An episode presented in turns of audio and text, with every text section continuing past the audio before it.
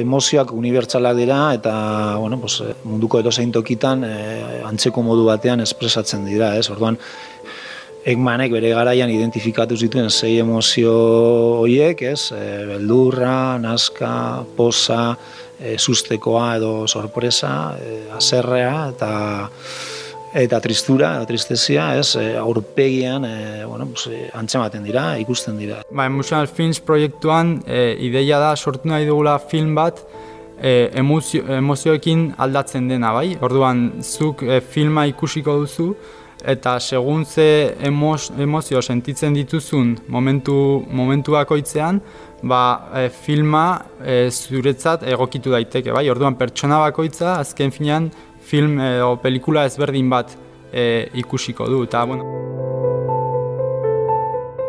Ongi etorri zientzia puntu-puntuan podcastaren lehenengo atalara. Hemen, Nafarroko Unibertsitate Publikoan egiten den ikerketaz harituko gara. Bertako zientzialariekin izketan. Gaur, adimen artifiziala, emozioak eta filmak, dena salda berean. Aurpegia, harimaren nispilu, dio esaerak. Aurpegia emozioen islada, argitu digu Unas Flores psikoterapeutak. Nafarroko Unibertsitate Publikoko Psikologia irakasleak.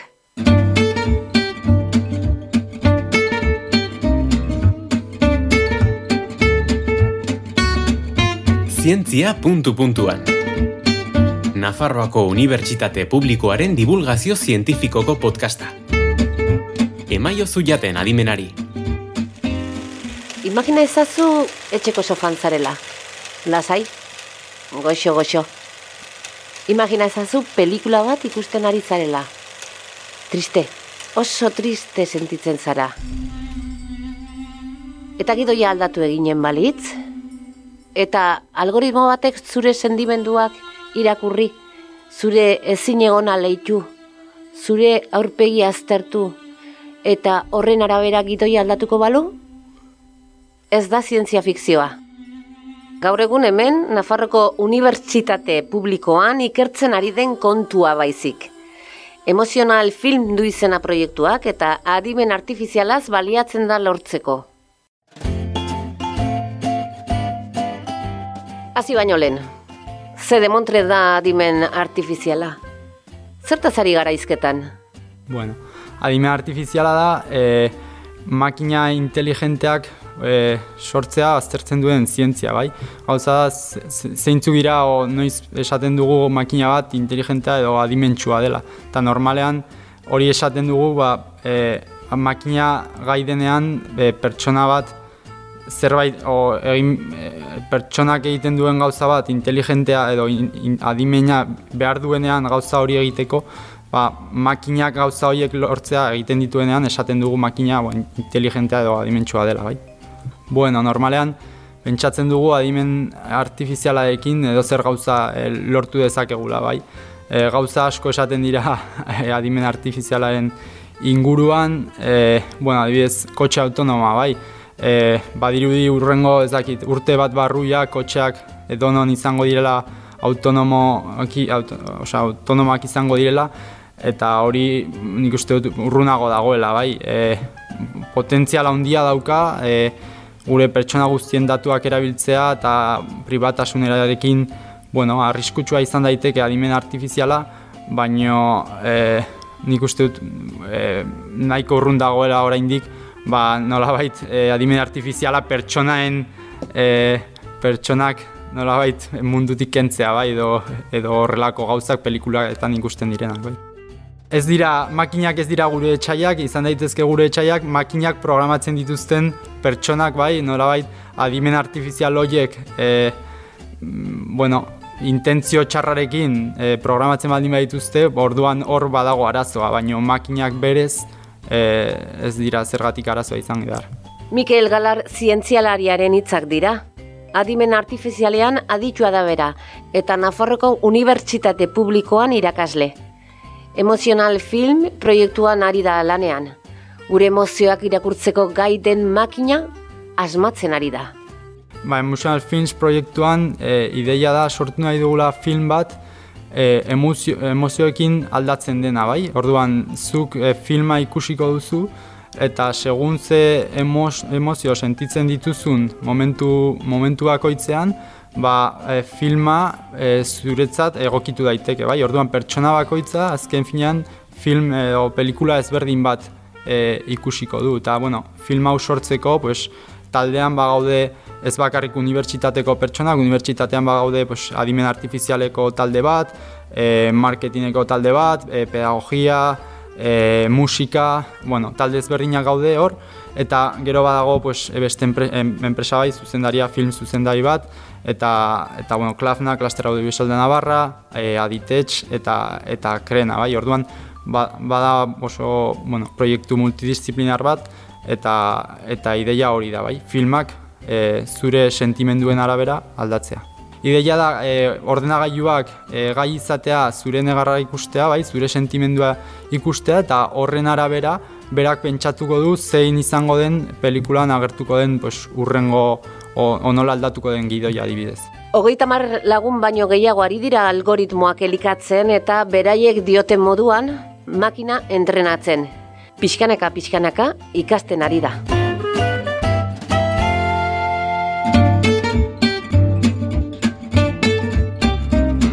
Menuan mota guztietako jakintzak, egiazko jakiteak, puntu puntuan beti ere.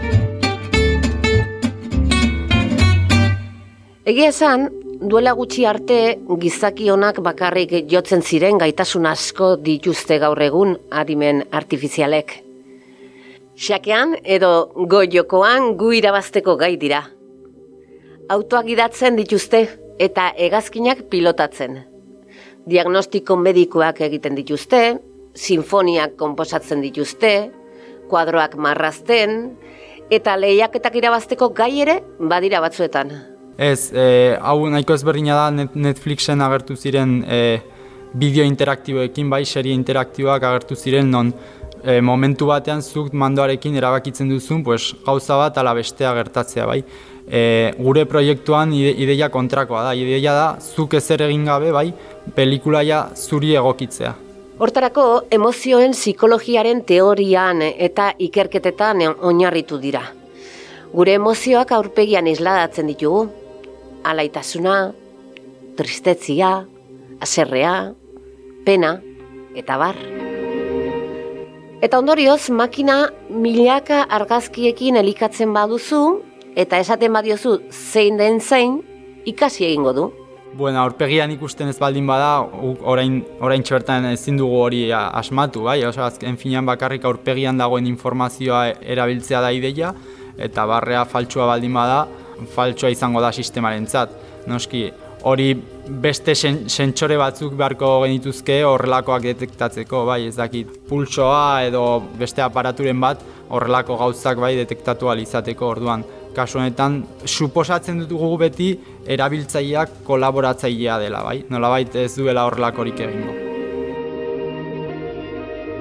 Paul Ekmanen teorian oinarriturik elikatzen ari dira makina. Bai, aurpegia gure emozioen izpilu omen. Denok adirazten alditugu emozioak berdin. Non dau diferentzia? Horixe galdetu diogu Unas Flores nupeko irakasle eta psikologoari. Bueno, emozion espresioa e, antropologikoki esan genezake e, evolutiboa izan dela, ez? Elkarren artean komunikatu alezatzeko, azkenean e, komunikazio bide bat, ez, zen, ez? Norait, ni jakiteko nire jarrerak ze eragina daukan e, edo e, zurean igan, ez? Pues, e, importantea da jakitea, bueno, pues, e, irakurtzen e, zera, e, zure zuk adirazten dituzun emozio horiek, orduan, esan bezala, pues, antropologikoki esan genezake, era, erabili behar izan ditugula, ez, elkarrekin erlazionatu izateko. Eta mundu guztian e, antzera espresatzen dira, oso modu antzeko batean espresatzen dira.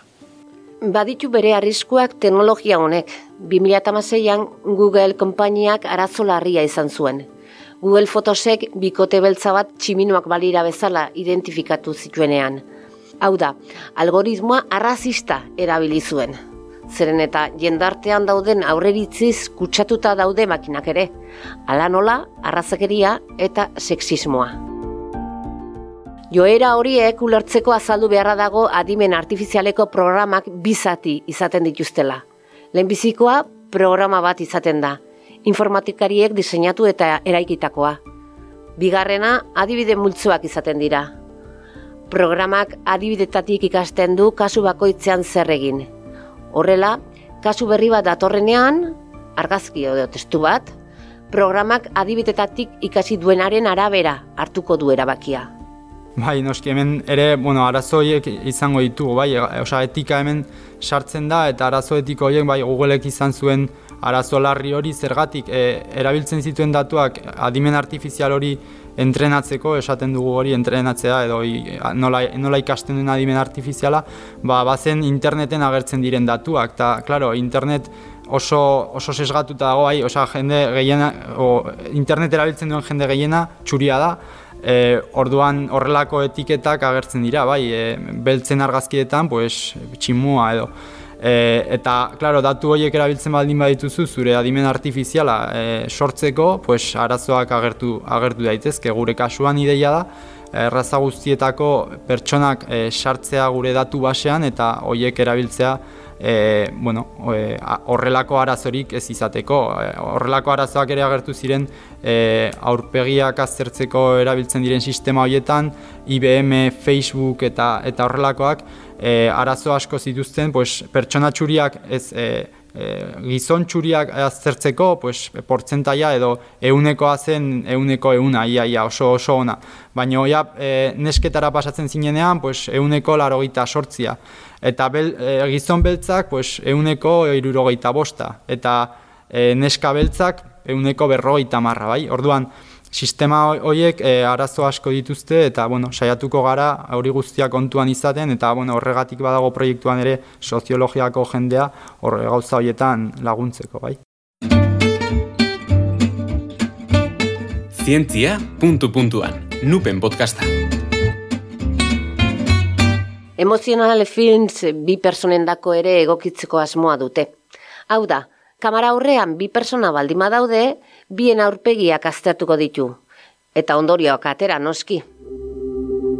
Eta hori ez bada nahikoa, bestelako asmoak ere badituzte. Filmaren lokalizazioa ere aldatu ahal izanen da ikuslearen kokapenaren arabera. Hau da, paisaia ezberdinak ikusiko dituzu, hemen bazaude edo baionan balima zaude. Euriari duela, pelikulan ere bai, horrela hariko du. Mendiz inguraturik zure etxea, horrela ere ikusten ari zaren pelikulan. To, e, proiektua orain dela bizpairu hilabete hasi zen, e, proiektua iru, bi urteko proiektua da, eta gure ideia da hasierako prototipo txiki txiki bat izatea urrengo ekainaren e, ekainean, eta horrekin, bueno, zuzendaria joango da beste, e, konferentzia ezberdinetara bai, e, audiovisualen munduan, eta ja hasiko gara ideia aurkezten, bai. Baina, bueno, benetako e, datu basea, benetako sistema, hori pues, bi urte barru izatea espero genuke. Ba, ideia da hasieran e, animazioarekin lan egitea, bai. Eta, bueno, e, pelikula konkretu batekin hasiko da ideia, eta gero gauza da hau sistema hau edo zein pelikulatan e, sartu daitekela, bai. Orduan, bada zerbait oso generikoa egitea, baina pelikula konkretu batekin nolabait demostratzaile bat izatea, bai. Proiektu honek aldaketa izugarria, dakarki eta mugarria izan daiteke, munduan ez baita horrelakorik existitzen. Entretenimenduaren unibersoan duen erabilgarritasunaz gain, hezkuntzan aukera ugari ditu, eta eragin handia izan dezake ezgaitasunak dituzten aurrengan. Horregatik dago tartean krena Nafarroko hezkuntza bereziko baliabide zentroa. Bai, e, e, egia da, hori hori egia da, teknologia horrelako teknologiekin e, kontu handia izan behar da, e, privatasuna oso, bueno, oso e, importantea da, bai, eta eta kontuan izan behar da. Orduan, claro, gure guk e, teknologia hau modu honean begiratzen dugu, hau da, e, gauza da, sentimenduak begiratzea momentuan, sentimendu horiek erabiltzea zuretzat zure esperientzia hobea izateko eta eta jasta hor bukatu beharko litzateke. E, noski kontuan dizibilik beharko gara gero teknologia hau beste leku batean ez, ez bukatzeko bai eta desio ez dugun zerbaitean erabiltzeko. bueno, gai asko sartzen dira hemen barruan, eta, bueno, e, pentsatu daiteke gaizki erabili daitekela, baina aldi berean pentsatu dezakegu ongi erabili daitekela, bai.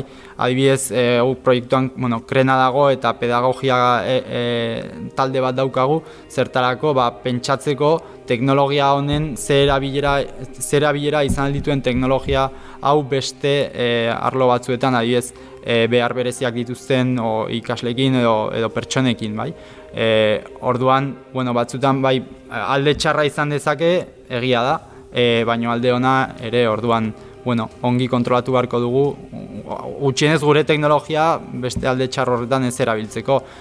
Egia da, e, teknologia hau beste leku batzuetan ere garatzen ari dela, eta bueno, hori ezin dugu kontrolatu bai.